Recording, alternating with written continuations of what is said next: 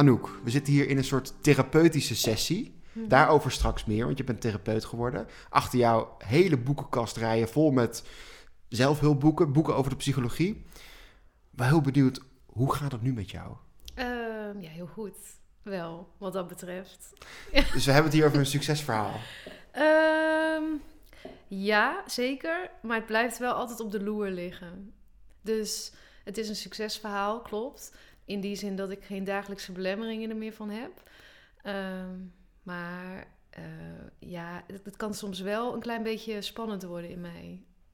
Daaromheen. We gaan het hebben over angst en dwangstoornis. En belangrijk omdat angst en dwang, dat, dat hoort een beetje bij elkaar. Hè? Dat, zit, dat zit aan elkaar vastgekoppeld. Maar om voor mij nou helder te krijgen, hè, als we het hebben over dwang, een dwangstoornis. Wat is dat nou? Ehm, een dwangstoornis, ja, zoals ik het heb ervaren, is het een, ehm, eh, een onophoudelijke drang om een bepaalde handeling te doen of om eh, bepaalde gedachten ja, te herhalen, eigenlijk te overdenken. Ehm, ja, alleen het verschil is met piekeren, denk ik, dat je ook de neiging hebt bijvoorbeeld heel veel dingen uit te willen zoeken om maar eh, bezig te blijven met dat onderwerp. Maar ja, vooral die handelingen, daar heb ik heel veel last van gehad ook. Ja. Dus echt, je, je moet bepaalde dingen herhalen en telkens maar weer opnieuw doen. Ja. Nou kijk ik wel eens naar een voetbalwedstrijd. En als je die voetballers ziet, dat zijn allemaal de meest bijgelovige types. Eh, ze hebben allemaal dezelfde sokken aan. Of ze maken een eh, bepaald eh, ritueeltje van tevoren, hè, voordat de wedstrijd begint. Een, een gebaar naar boven toe. Valt dat dan onder dwang? Ehm, Oeh, dat is wel een hele interessante vraag. Ja, die, die bijgeloof. Ik denk dat dat anders voelt. Eh, misschien dat de spanning ook wel oploopt als zij dat niet doen. Voor, eh, en dan voor, voor een bepaalde wedstrijd of zo. Maar op het moment dat die, dat, dat dan goed gaat, dan, dan is dat inderdaad bevestigd. En als het niet goed gaat, ehm, ja, dan haalt dat ook een beetje die handeling onderuit. Ehm, daar heb ik als, met die dwanghandelingen nooit bij stilgestaan wat het gevolg daarvan was. Dus dat is echt een verschil. Ik, Wat is het dan voor jou? Wat zijn dan bijvoorbeeld de, de dwanghandelingen die jij moest uitvoeren? Ehm, nou, het, het waren echt materiële, ma- materiële dingen, zoals eh, de stopcontacten moesten allemaal leeg. Dus alle stekkers moesten eruit. Ehm, ik ben ook technicus, dus daar heb je vaak een heel systeem met allerlei stekkers. Als je het hebt over stopcontact inderdaad. Inderdaad, die, er moesten vaak ook de tussenliggende stopcontacten ui- eruit, eh, of de, de stekkers. Eh, het gekke was alleen wel dat ik ook weer bepaalde eh, apparaten had waarvan ik dan dacht, nou dat hoeft dan niet, want dat gaat dan te ver. Dus, en dat kon ik dan niet goed verklaren. Ehm, het ging wel echt over stroom, dus signaaldingetjes die trok ik er niet uit. Ehm, nou, dat is dan betrekking tot die stopcontacten, maar ook eh, sleutels, eh, sleutelgaten. Moesten, als ik het op slot draaide, moest dat eh, een aantal keer. En vaak ook moest de handeling nog een aantal keer herhaald worden. Maar dit Ehm, herken ik ook wel. Hè? De angst van, oh jee, dus, er zit, zit, zit mijn deur wel goed op slot? Altijd controleren aan je zakken of de sleutels nog wel in je zak zitten. ja. Of de stekkers eruit halen als je weggaat. Wa- wanneer is het dan echt problematisch geworden dat je dat eruit haalde? Ehm, wanneer één keer niet genoeg was. En wanneer het elke keer als ik van huis wegging, wat langer was dan een half uur bijvoorbeeld, dat dat, dat moest gebeuren. En problematisch werd het ook omdat het niet één keer was, maar op een gegeven moment twee keer en drie keer. En niet één stopcontact, maar op een gegeven moment de hele benedenverdieping. Ehm, en dat het dan niet alleen stopcontacten zijn, maar ook de deur. En als je naar de auto gaat, ook die deuren allemaal. Eh, dan wordt het problematisch. En dan is het echt iets anders, denk ik, dan één keer teruglopen voor de deur controleren. En zou je me eens mee kunnen nemen, Anouk? Het moment hè, dat jij dus besluit, ik ga nu van huis om boodschappen te doen of om op visite te gaan. Hoe, hoe werkt dat dan met die dwang? Komt dat dan al van tevoren op of is dat er ineens? Wat maakt dat jij tien keer die stopcontacten eruit moet halen? Ehm, nou, ik was daar niet echt van tevoren al mee bezig. Dus ik wist, ik, ik heb ook iets met de tijd. Dus op het moment dat ik ga altijd op het laatste moment weg, dan zou je denken, dan ga je eerder beginnen aan al die handelingen. Dat zat er dus niet in. Eh, dus ik ging op de tijd weg dat ik moest, vaak net te laat. En dan begon de stress al. En dat te laat komen, dat, dat die tijd te kort was, dat leverde ook alweer stress op. Eh, omdat ik wist dat ik nog heel wat handelingen te doen had. Ehm, en dat stress, dat is echt wel, denk ik, de kern van eh, wat er dan gebeurt. Dus eh, je, ik, ik ging in een soort vuur en vlam staan van stress. Mijn hart ging harder kloppen. Eh kreeg ik vaak wat hoge ademhaling, wat meer benauwd. Je armen worden helemaal zwaar. Je hebt het gevoel dat je helemaal aan de, ja, helemaal aan de ene kant aan de grond genageld staat... en aan de andere kant wil je als het ware bijna wegrennen. Maar dat doe je niet, want je wil, ja, je, je, hebt de, de, je wil die controle hebben op die handelingen. Eh, dus ja, neem me mee. Eh, het begint daar eigenlijk met dat gevoel wat opkomt. Dan start je aan die handelingen. Ja, en dat is, ja, het is bijna niet, denk ik, voor te stellen als je dat nog niet, als je dat niet hebt gehad. Want op het moment dat eh, de eerste stekker eruit trok, was ik eigenlijk al niet meer met die stekker bezig, ging naar de volgende. En dan kwam er op een gegeven moment ook een punt dat ik met een stekker in mijn hand zat en naar de stopcontact keek. En dan eh, geloofde ik gewoon niet dat de stekker eruit was. Ehm, dus daar had ik ook weer iets op Dus bedacht. zelfs op het moment dat je die stekker in je hand had, je zag, hè, je kon gewoon objectief waarnemen dat Ja. die stekker eruit is. Ja, Dat was niet genoeg. nee. Nee, en ook met het gasfornuis, als ik het zeg maar, eh, want dat deed ik dus ook, deed al die stopcontacten, vervolgens kwam ik bij het gasfornuis. Als hij niet aan was geweest, dan deed ik het niet, maar als ik wist dat, er, dat we er iets mee hadden gedaan, dan, dan moest hij ook.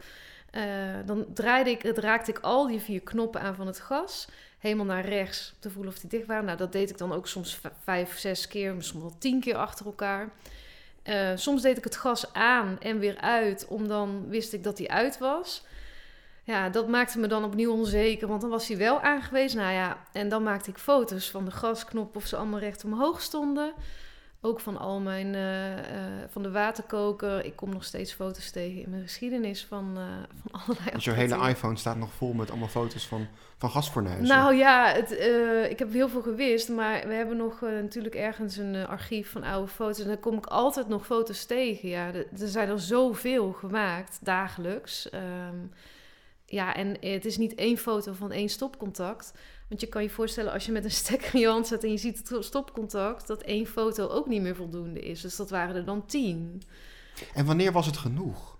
Wanneer kon je dan voor jezelf besluiten, oké, nu heb ik alles gecontroleerd, ik kan de deur uit. Ja, dat gevoel is nooit gekomen. Eh, ja, nu. Maar, en Maar nu, ging je dan ook met volle stress die deur uit? Ja, ja, zeker. Zeker. Ehm, en ik moet eerlijk toegeven dat eh, de deur nu achter me dichttrekken... moet ik niet te bewust doen, want dan vind ik het nog spannend. Ja, Zelfs nu nog. ja daar sta ik eigenlijk niet meer bij stil. Maar ik denk als ik er bij stil zou gaan staan, dan, eh, ja, dan wordt het al ingewikkelder. Want je hebt jaren therapie gehad. Ja, Eh, Je bent er nu uit. ja. Daar gaan we het zo meteen over hebben. Maar ik ben toch nog benieuwd naar die dwangstoornis, omdat ik het ook probeer te begrijpen voor een leek. Hm. Omdat je het er zo rationeel over hebt. Ik doe dit, ik doe dat, ik doe zus, ik doe zo. Ik ben dan- ook heel rationeel. Nee, maar wat, wat- kun je dan voor jezelf bedenken dat het dan ook... Ja, dat, je dan, dat het heel mo- moeilijk is voor een ander om te begrijpen wat jij doormaakt. Ja, ik denk dat daarom ook onwijs grote schaamte was. Eh, dus ik deelde dit echt met niemand. Ehm, ja, mijn partner, eh, mijn huidige Ivo, maar ook eh, mijn vorige partner, daar had ik het namelijk ook al. Ehm, die wist het ook, maar liever niet natuurlijk. Maar ja, ik kwam er niet meer onderuit. Mijn moeder, daar besprak ik sowieso daarvoor al heel veel angsten mee ook. Dus ehm, die wist het ook wel, maar verder echt niemand. Nee, want ik, ik ergens, ik zag ook wel dat het echt absurd is wat ik deed. Eh, maar ik kon er gewoon echt niet, meer, niet mee stoppen. Nee, het voelt. Ja, ik ben niet echt. Ik ben eh, niet verslaafd. Maar ik denk dat het zo voelt als een verslaving. Het, je kan, het is gewoon echt moeilijk om, eh, om ermee te stoppen. Ja, het is eigenlijk bijna geen optie. Als je erin Nee, het zit. is een alles overheersend gevoel als ik jou zo hoor. Ja, Waardoor je echt die handeling moet uitvoeren. Wat is het alternatief? Wat als je het niet deed? dan eh, ging door, denk ik, tot het eh, einde. ja, tot het einde. Ja, eh, de, ehm, ik, ja, nou ja, ik had afspraken hè, met mezelf. En die afspraken die ging, steeds, die, die ging steeds over. Dus er kwam steeds bijvoorbeeld een aantal keer bij in dit ritueel. Ehm, maar ik had wel door de jaren heen afspraken als in... ik doe het vijf keer en die vijf keer is voldoende. Ehm, maar als daar dan bijvoorbeeld even iemand tussendoor op mijn telefoon belde... dan moest die vijf keer wel Dan moet opnieuw. je weer opnieuw beginnen. Ja, En is het dan ook een beetje een soort verslavend gevoel? nee, want ik denk Gaat dat... het van kwaad tot erger? Ja, die bevrediging die heb ik niet zo ervaren eigenlijk. Nee, het, het- dus eh, ik denk als je... Of ik heb ervaren dat ehm, het altijd meer moet worden. Dus Ja. het gaat wel van kwaad tot erger. Eh, ja, zeker. het ja. moet altijd meer. Is, Ja, ja, eh, als je niet eh, er iets mee gaat doen, dan wordt het erger. Ja, zo heb ik het althans ervaren. een Ja, belangrijke les, ook voor straks. Maar die schaamte, dat is ook nog wel een interessant punt wat je aansnijdt. Ehm, kreeg, je nare of kreeg je nare reacties als je dit met iemand besprak? Of was je er vooral bang voor dat iemand vervelend zou reageren? ja, ik denk het tweede, want niemand wist het. Dus ja, en nu achteraf ben ik het gaan delen. En nu zijn er, komen er heel veel reacties van mensen die eh, het herkennen. En ik heb het ook gedeeld eh, met mensen vanuit mijn vak, van mijn oude vakgebied, zeg maar. Als, ik was eh, werkzaam als theatertechnicus, als geluidstechnicus. En ik begreep dus dat daar in één keer veel meer mensen zijn die last hebben van dit soort rituelen. Om het maar even ritueel te noemen. Ehm, en dat gaf me eigenlijk een soort erkend gevoel. Dat ik dacht, hé, hey, ik ben helemaal niet alleen. En het is helemaal niet zo heel raar. Ik heb me er echt heel e- eenzaam in gevoeld. Maar echt uit angst, denk ik. Ja, omdat ik... Ja, wie doet dit nou? Dat, die gedachte had ik zelf ook wel heel sterk. Want angst en dwang, dat, dat wordt vaak samen gezien. Hè? Als, als een angststoornis en een dwangstoornis, dat ligt heel dicht bij elkaar. Ja, Als jij teruggaat naar, naar bijvoorbeeld je jeugd, ben je erachter gekomen waar die angsten vandaan komen? Ehm, nou ja, ik, ik weet inmiddels eh, wel iets meer dat angst en dwang te maken heeft met eh, hoe snel je stresssysteem aangesproken wordt. En hoe snel je en je stresssysteem zegt iets over ook hoe veilig je je voelt. Nou ja, angst en veiligheid, die hebben heel veel met elkaar te maken. Ehm, en de stress die, die ik voelde bij die dwanghandelingen ook. Ehm, op Was je dan vroeger een angstig meisje bijvoorbeeld? ja, ja, ja. ehm, ja, ik durfde bijvoorbeeld ook niet naar de wc te gaan eh, een hele periode als, je, als klein meisje. Ja, dat geeft maar iets heel kleins aan, maar ja, dat, dat heeft echt, echt heel lang geduurd. Ik hield altijd alles op. Ja, uit angst. En waarvoor dan? Waar was je zo bang voor? Ja, dat is. Ik was toen. eh, ja, wanneer ben je, word je zindelijk op de wc? Ja, ik denk vanaf mijn derde tot aan. Ja, ehm, mijn tiende of zo hield ik het sowieso op. Allemaal, of veel. Eh, ja, het is een beetje een gênant verhaal, maar dat is wel. Ik vind het wel heel typerend voor. Eh, dat er een soort controlebehoefte is. Op, en de controlebehoefte wil je omdat je het gevoel hebt van geen controle. En dat is onveilig. Ja, Dus hoe bedoel je dat precies? Dus je, bent- je, bent, je bent angstig om de controle te verliezen, ja. maar door bijvoorbeeld ja, je, je plas op te houden, heb je de controle over, Ja, is ik, doe dit nu. ja. ja. Eh, ja, ik heb dat als kind niet zo helder bedacht. Maar alle andere dingen die ik daarna heb gehad, qua angst en dwangdingen, ja, die hadden wel te maken met ik wil zorgen dat ik het onder controle heb en dat er niks onverwachts gebeurt wat mij doet verrassen. En in een bepaalde Dus benarde die dwang situatie. is een controle hebben over, Ja, tuurlijk. over de situatie. Ik was bang dat het huis in de fik ging. Daar zat ik, stond ik niet bij stil op het moment van die dwanghandelingen. Eh, dus die zat heel diep weg. Het is niet zo dat ik dacht, als ik dit nu doe, dan gaat het huis dadelijk in de fik. Eh, nee, maar terugbouwend daarnaar, ja, dat, dat wel, ja. Of ehm, ik had ook dwanghandelingen op mijn lichaam. Eh, ik was echt eh, doodsbang, en nog wel, eh, voor kanker. Ehm, dat is echt ook een hele oude angst. Die begon al, ook al toen ik jonger was, voor ziektes. Ehm, En kanker is natuurlijk iets wat best wel onzichtbaar kan zijn, ja, lange tijd. dus als je het maar heel goed controleert, dan heb je controle. Dat en wat de controleerde je dan bijvoorbeeld? Moedervlekken? Moedervlekken, ehm, ja, en eh, mijn borsten natuurlijk, want borstkanker is heel eng. En ehm, mijn ontlasting, eh, maar ja, Dat ging best wel ver dus. ja, en ja, inderdaad. En echt heel minutieus allemaal. Ja, en dagelijks. En meerdere dagelijks. Dus dat is niet zomaar, kijk een keer achterom in de wc. En Maar je zat het ook echt te ontleden. In de- Nou, je, je- ik wil het niet- Je vertelt het een beetje lachend, maar ik, dat, ik snap natuurlijk dat het een onderwerp is zit dat je denkt, oh, dat is het. Ja, snap ik ook hoor. Nou, Maar ik begrijp wat je bedoelt. Je, je controleerde of er niks geks in zat. Ja, op bloed en zo. Ja, tuurlijk. Tenminste, dat is voor mij dan heel tuurlijk, ja, blijkbaar. Tenminste, dat was heel tuurlijk. Ja. Ik vind het wel heel dapper dat je hier zo over durft te praten. Echt oprecht. Ja, ik word nu wel heel groot en dat heb ik echt niet heel vaak. Maar hier zit echt schaamte op, ja. Dat snap ik. Maar het is Ja. goed dat je dat doorbreekt. Wat je zelf zegt, er zijn heel veel andere mensen die ook dit soort dingen meemaken, rituelen hebben. ja. Ehm, en misschien zich ook wel eenzaam voelen. En denken, ben ik nou de enige die zich omdraait in de wc? ja. Nou, ik denk dat dat heel goed is dat iedereen dat af en toe doet. Maar niet op de manier zoals ik het deed. Nee, dat gaat gewoon echt te ver. En Ja. zat je dan ook bijvoorbeeld elke, elke spreekuur op bij de huisarts? Ja, eh, nou, ehm één keer per twee weken was een bepaalde periode wel heel normaal. Eh, probeerde ik natuurlijk altijd te rekken. Ehm, maar dan belde ik tussendoor ook met de vraag of ik even nog een vraag mocht stellen. En eh, ja, mijn relatie met mijn huisarts is heel goed. Sowieso was het altijd moeilijk voor mij ook om te switchen. Want je gaat verhuizen. Hè. Ik ben in de bos opgegroeid en ik ben naar Amsterdam verhuisd. Dat soort momenten switchen van huisarts. Dat was eh, sowieso voor mij echt de, de hel. Eh, want hoe, dan moest ik iemand opnieuw gaan vertrouwen. En ja, ehm, dat is moeilijk. Als een je huisarts had dan bent. toch ook wel door van, joh, maar hier Ja, zeker. is wel iets anders aan de hand dan iemand die denkt dat ze eh, een raar plekje op de been heeft. Ja, ehm, deze en mijn vorige huisarts hebben dat allebei natuurlijk herkend en benoemd. En bij de eerste die ik in Amsterdam kreeg, ben ik ook meteen wel eh, doorverwezen naar een psycholoog. Ehm, maar de huidige huisarts die ik heb, ja, die zegt altijd als ik binnenkom: Hey Anouk, ben je er weer?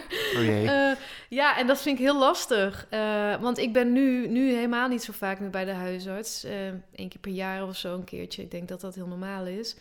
Ehm, Maar dan wil je wel serieus genomen worden. ja, en dat is wel de angst. Dat iemand denkt, komt ze weer aan, het zal wel weer niks zijn. Kijk maar even half, dan is ze gerustgesteld. Dat is dat vertrouwen. En dat heb ik gelukkig met mijn huisarts. We hebben dit gesprek ook een aantal keer gevoerd. Met de uitleg van, ja, ben je niet een beetje... eh, hè, neem je het niet met een korrel zout, want dat snap ik al met mijn geschiedenis. Ehm, ja, ik, overigens benoem ik wel als ik bij de tandarts kom of waar dan ook dat ik een verleden hiermee heb. Eh, dus dat, en dat helpt me. Eh, dat is dan meteen een tip. Daar komt hij de eerste. Nou, we Ja. hebben er al een aantal gehoord. Eh, de tip is wel om het te kunnen benoemen. Want ehm, onlangs was ik bijvoorbeeld bij de tandarts. En eh, wat mij helpt is dat als hij eh, iets vertelt over ik zie dit. ehm, iemand anders denkt oké, eh, zij ziet dat, nou het zal wel goed zijn. Maar bij mij gaat dat zijn eigen leven, het kan dat een eigen leven leiden. En dan, ehm, ik moet niet gaan googlen. Ehm, en ik moet er vooral ook dan gewoon uitleg over krijgen en begrijpen wat het is.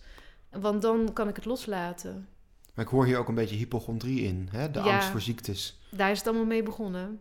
Ja? Ja, ja. Waar, waar- ik zo benieuwd naar ben, eh, Anouk. Wanneer kwam voor jou het moment dat je dacht... Want we hebben het echt over jaren, hè? Eerst angst. Nou, als achtjarig meisje al. Ehm, eh, wanneer dacht je nou van... Oké, maar nou is het afgelopen. Ik ga nu hulp zoeken. En ik ga therapie volgen. Ja, joh, dat is al heel lang geleden geweest. Ik, ik kan me herinneren dat ik had altijd heel veel eh, schouder- en nekklachten. Ik zat dat helemaal vast. Nou, daar ben ik wel bij de fysiotherapeut heel veel geweest, maar dat was altijd stress. En toen kwam ik ook al bij de psycholoog of bij een vrouw voor overprikkeling. En eh, dat, ik ja, dat ik heel snel spanning ervaarde. Nou, dat was al, dat was nog met mijn moeder. Dus ehm, ja, hoe oud was ik? 10, 11. En toen ben ik daarvoor, omdat ik veel, inderdaad dus veel overprikkeling had en stress. Ja, en ik denk dat ik toen ik eh 17, 18 was, toen ben ik wel echt begonnen met therapie. Ja, in Amsterdam. Ja, is 18, toen was ik in Amsterdam. Ja, in Zaandam ben ik begonnen. Ik ben een keertje voor een reportage geweest in een, in een centrum. Dat was het Centrum voor Angst en Dwang. En daar werden mensen echt opgenomen met, met dwangstoornissen. Eh, en die kregen daar dan eh, hulp en begeleiding.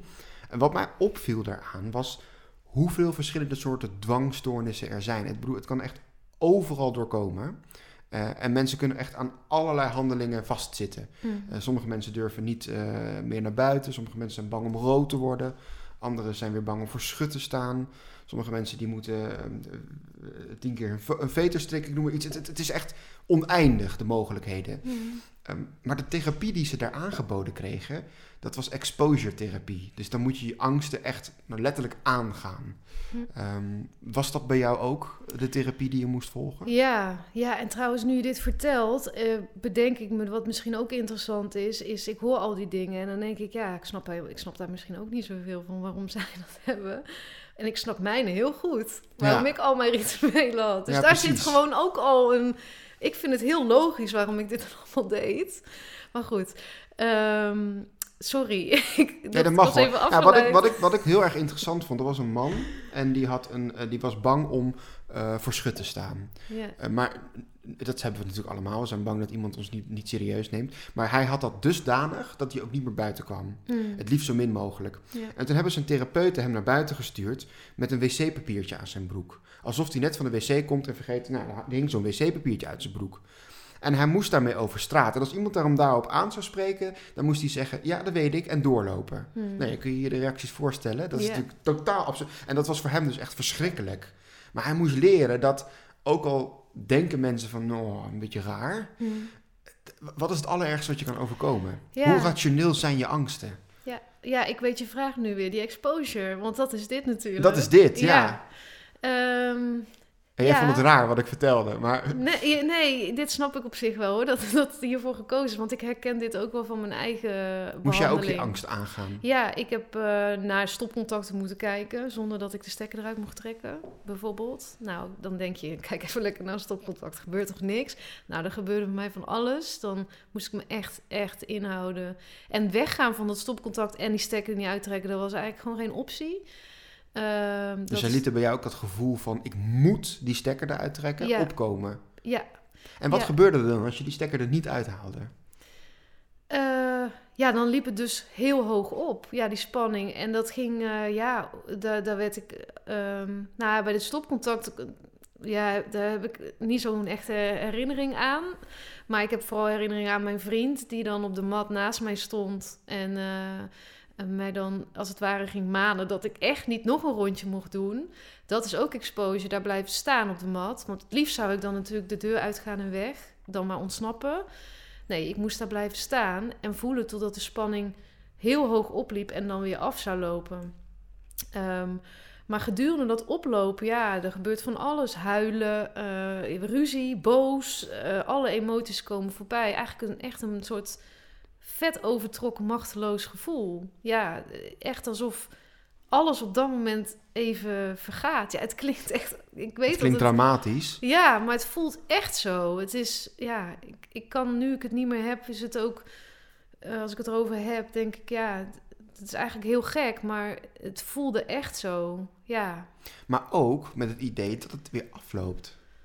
ja Die, want die spanning hou je dus niet eh, urenlang vast. Nee, en daar kwam je nooit, omdat de dwanghandelingen eh, nooit eh, de ruimte geven om de spanning op te laten lopen. Want iedere handeling die je doet, eh, ja, houdt de spanning een beetje op, zijn, op zijnzelfde hoogte of neemt misschien net even iets af.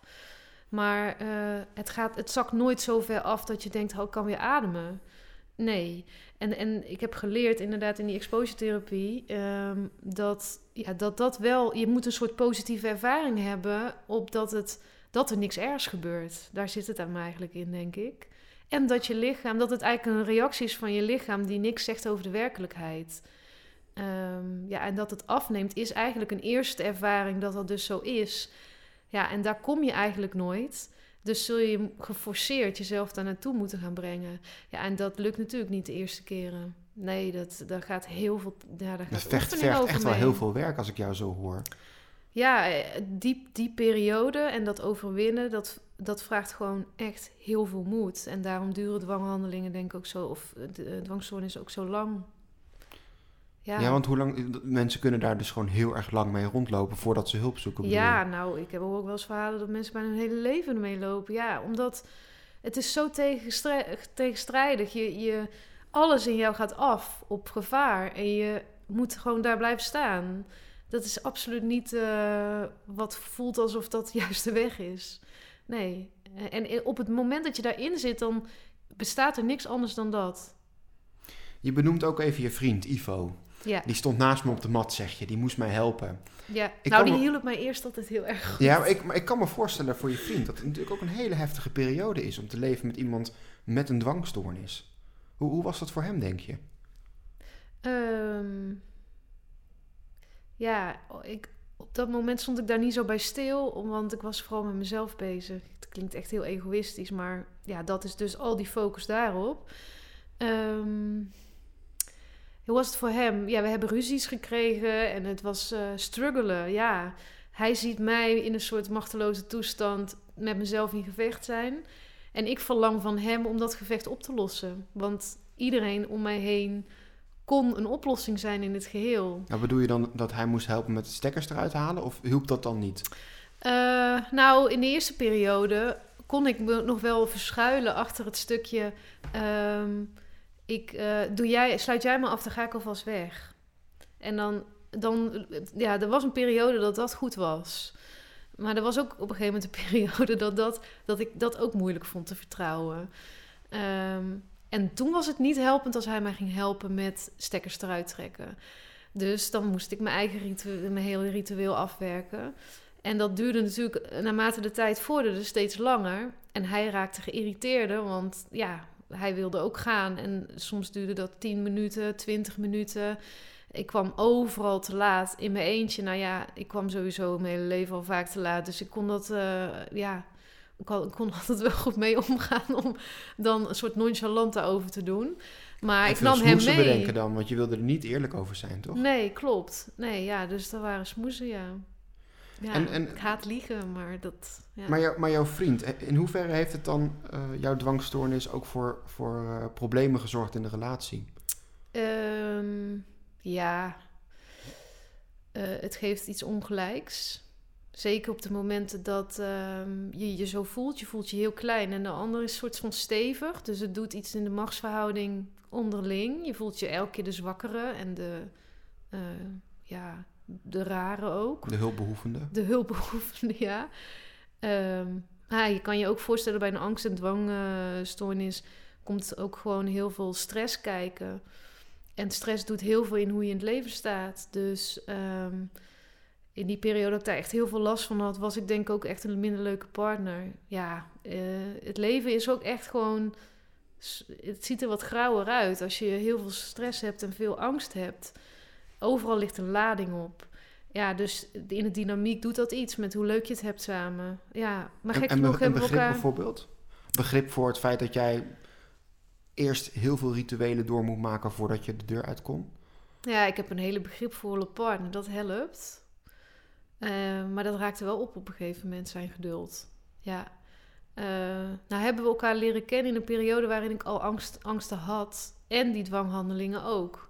Dus hij kent mij niet anders als... Tenminste, hij heeft mij zo leren kennen. Eh, ja, ik weet niet. Misschien dat dat wel iets anders, dat dat, eh, anders is dan dat het op een gegeven moment ontstaat. Ja, ja, ik, ja dat zou je hem moeten vragen. Dat, Gaan we ook zeker doen. Maar is er nooit een moment geweest ehm, dat je dacht, of dat een van jullie dacht van ja, maar als dit zo doorgaat, dan heeft het niet heel veel zin meer. de relatie. Ja. Ik of heb is dat, het trouw door dik en dun? Ja, ik denk wel dat wij een koppel zijn wat ehm, ja, wel een beetje op die voet leeft. Ja. Trouw Dat is een mooi dun. antwoord. Ja, ja, maar ik, ja, ik kan me voorstellen dat het wel ook echt in relaties eh, iets kan eh, opbreken. Ja, hon- 100 procent. Ja. Want het, ik weet niet of het als het andersom zou zijn. Poeh, ja, het is wel zwaar. Nou, wat denk je? Als jij een vriend hebt die allerlei rituelen eh, heeft, kun je daar het geduld voor opbrengen? Ja, ik ben, kan soms best ongeduldig zijn. Dus ehm, ik denk dat ik dat heel moeilijk zou vinden. Ik denk dat er veel spanning zou zijn. Ja, ja eh, want eh, ja, er zijn zoveel momenten gekleurd. Eh, want we hebben het nu natuurlijk over die sloten en over het weggaan van het huis. Maar s'avonds in bed, wanneer ik mijn lichaam controleerde op allerlei dingen...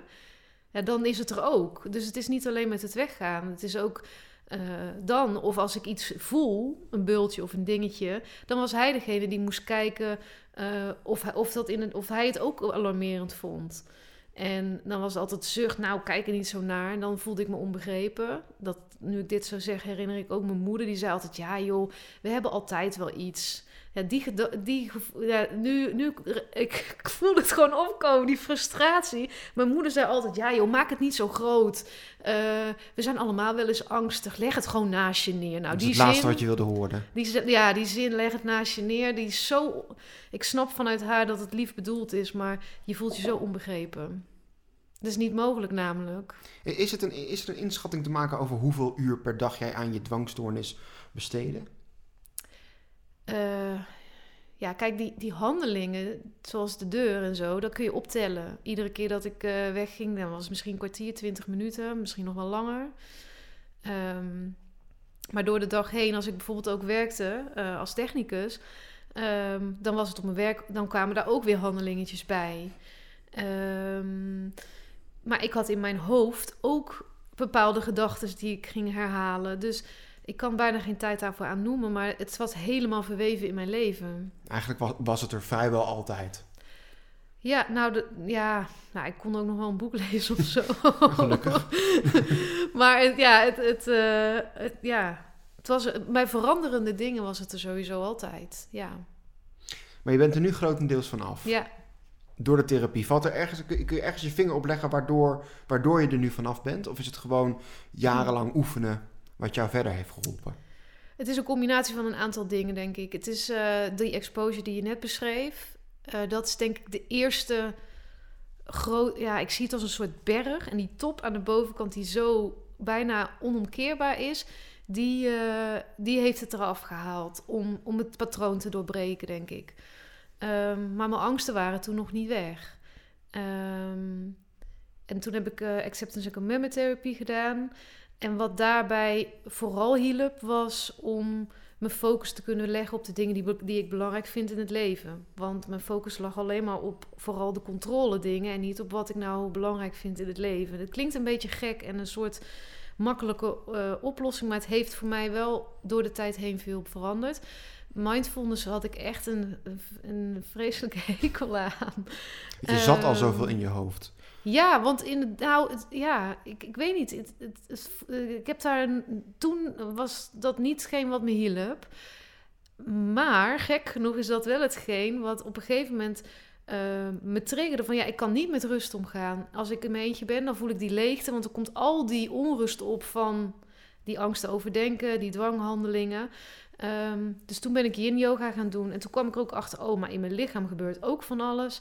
Nou, en zo ben ik eigenlijk door de jaren heen met kleine dingen die, van, of die eigenlijk vanuit allerlei hoeken kwamen, er wel, ehm, wel van afgekomen. Ja, ik denk dat het bewustzijn vergroten op meerdere vlakken belangrijk is. Ja, dus de eerste is exposure, denk ik, want dat volgens mij is dat ook de meest eh, effectieve eh, methode. Maar daarna je bewust worden dat je meer bent dan alleen je gedachten, dat is echt heel belangrijk. En voor de mensen die luisteren, die denken: oké, ik, ik herken wel wat, hè, wat jij zegt. En ik herken ook wel bij mezelf bepaalde rituelen die ik moet doen. Of ik zie het bij een, een, een, een vriend of vriendin. Wat, wat zijn handvaten die je ze kunt bieden? Ehm, nou, als je voor jezelf opmerkt dat het echt belemmerend werkt, als in dat het alsmaar meer wordt wat je moet uitvoeren, dan zou ik zeggen, ga echt met iemand praten. Ehm, want het wordt naar mijn, naar mijn ervaring alleen maar meer. Eh, dus hoe eerder je het doorbreekt, hoe beter. Want hoe langer je wacht, het wordt alleen maar in- ingewikkelder. Want je, je moet al die dingen waar je het op hebt af. Dus het zal niet afnemen, niet uit zichzelf. Nee, mijn ervaring is dat ik steeds meer verschillende rituelen kreeg. En je- ja, die moet je ook allemaal afbreken. Dus je kunt maar beter als je er één hebt, één afbreken dan tien. Ehm, dat, is een, dat is wel echt iets wat ik zou aanbevelen. Ehm, ik zou ook iets gaan doen met lichaamsgericht eh, iets. En dat wil niet zeggen dat het per se therapie hoeft te zijn, maar ga iets doen waarbij je je bewust wordt van je lichaam. En dat kan ook boksen zijn. Het hoeft helemaal geen alleen maar yoga te zijn of zo. Maar iets waarbij je uit je hoofd komt. Ehm, ja, eh, vooral erover praten, ook met anderen. Want het gevoel van eenzaamheid versterkt eigenlijk ook een beetje dat gevoel van eh, eh, anders zijn en abnormaal zijn. En dan word je nog onzekerder en dat helpt ook echt niet mee. Ehm, en vooral niet anderen jouw handelingen gaan uit laten voeren. Want dan, ga je, dan vermijd je en dat werkt ook versterkend volgens mij. En je angsten aangaan? Ja, dat met die exposure aangaan, ja, dat is natuurlijk de eerste stap. Ja, dus inderdaad, als je niet naar therapie zou gaan, die heb ik overgeslagen, ja. Eh, als je nog niet naar therapie gaat en je denkt, ik ga er eerst zelf mee aan de slag, dan zou ik zeggen, ga eh, het aan. Maar doe dat dan bijvoorbeeld door er eerst eens bij te gaan staan. En maar eens gewoon te gaan voelen.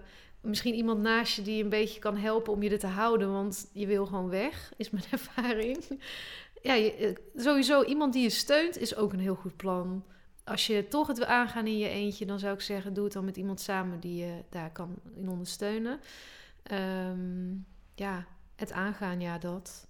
Ja, en dan niet, eh, ja, maar het is nog één keer nodig. Want die helpt niet. Waar sta jij nu? Ben jij angst- en dwangvrij? Of waar moet je op letten? Ehm, ja, ik kan wel zeggen dat ik echt dwangvrij ben. Jij kan de deur Eh. uitlopen zonder naar je zakken te voelen waar zijn mijn sleutels. En te denken, goh, heb ik al die stekkers er wel uitgehaald. Die stekkers kan ik inderdaad, daar denk ik over na. De gas ook niet. Ehm, ik heb nog een steltang. Als ik die heb gebruikt, loop ik altijd terug om te kijken of de stekker eruit is. En als ik een hele drukke periode heb, of ik ben onzeker of ik moet naar een opdracht die ik spannend vind, dan loop ik twee keer. Ja, dat is wel een bie- een biechting hier, of een opbiechting. Of, eh, en ehm, ik weet dat als je deze vraag aan Ivo zegt, dan zegt hij... Ja, die steltang die ligt ook vaak op, de keuken, eh, op het keukenblad. Want dan weet ik, heeft ze hem daar neergelegd omdat het op, op steen is. Dus dan kan er niks in de fik gaan, ook al is de stekker Daar heb je eruit. goed over nagedacht, ja. Dus ja, klopt. Eh, dat doe ik dus nog wel. Het zijn af- allemaal apparaten die warm kunnen worden bij jou, heb ik het idee. Ja, die zijn Of die wel, kunnen, of waar eh, vuur uit kan komen. Ja, want stekkers is ook vuur. Ja. Warm en smeulen en ja, fik. Ja, daar zit Dat- het hem in. Dat is de angst. Ja, dat is zeker de angst. Ja, die fik. Dat is de angst. Ja, ik, jullie, je lacht, maar dit is, ik vind dit heel logisch. Ja, dus voor mij is het nog wel... omdat jij ook een beetje moet lachen. Oké.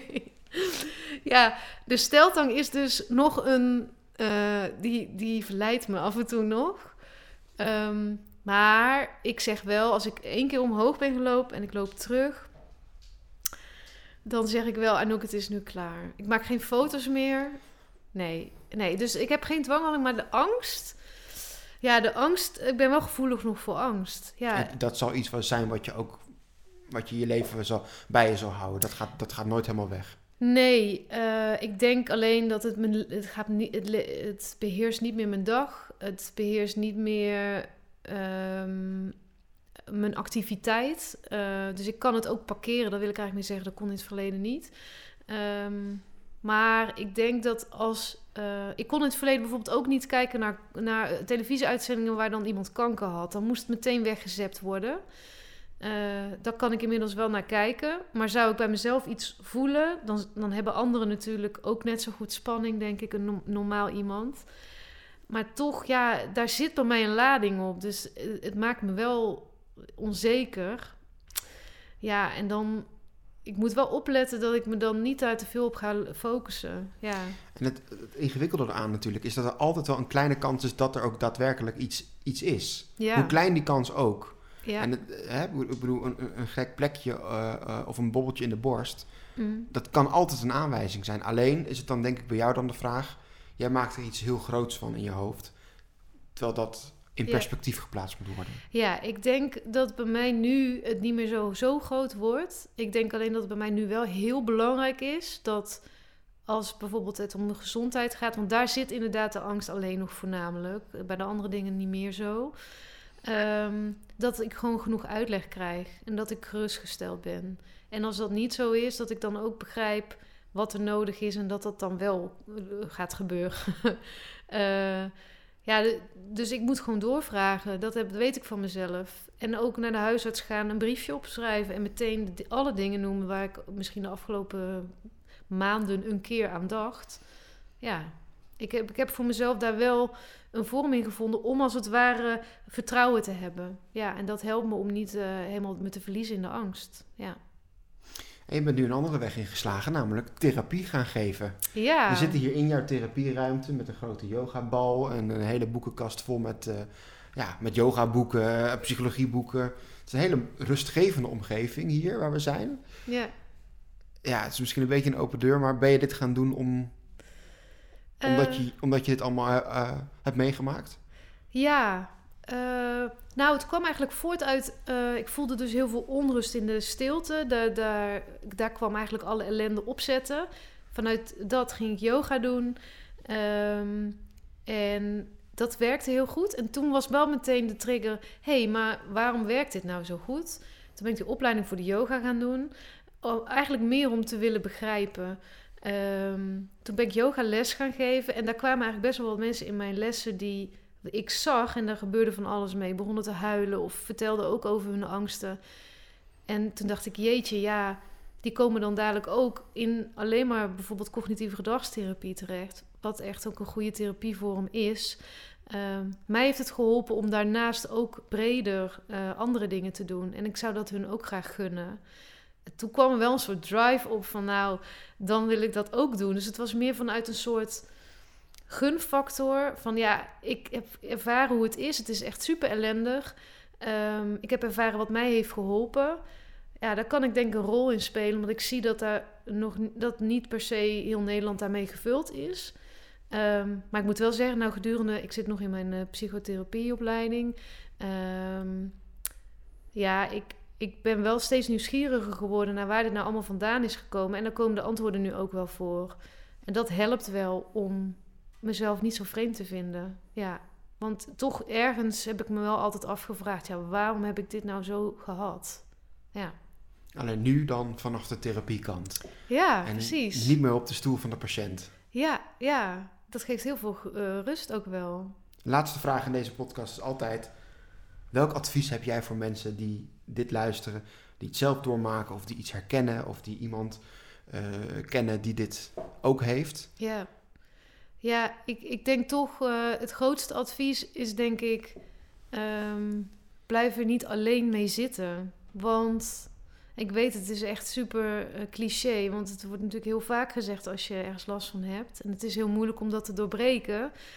Um, maar eigenlijk kom je erachter dat bijna iedereen wel iets uh, lastig heeft in zijn leven. En dan valt het eigenlijk best wel mee hoe raar je bent. Want jij je bent niet raar. Het is een systeem in je, in je zijn wat heel overactief is geraakt.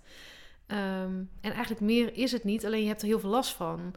Um, dus de schaamte, als die weg is, dan voel je je ook al eerder, kun je je ook laten steunen. En dat is wel echt heel belangrijk om bijvoorbeeld de volgende stap te nemen die nodig is. Dat zul je minder snel alleen doen dan dat iemand naast je staat en uh, je weet dat je daarop kan leunen of terugvallen. Dankjewel Anouk voor je ervaringsverhaal. En veel succes in de toekomst met de therapie. Dankjewel. Ik vond het leuk om hier te zijn.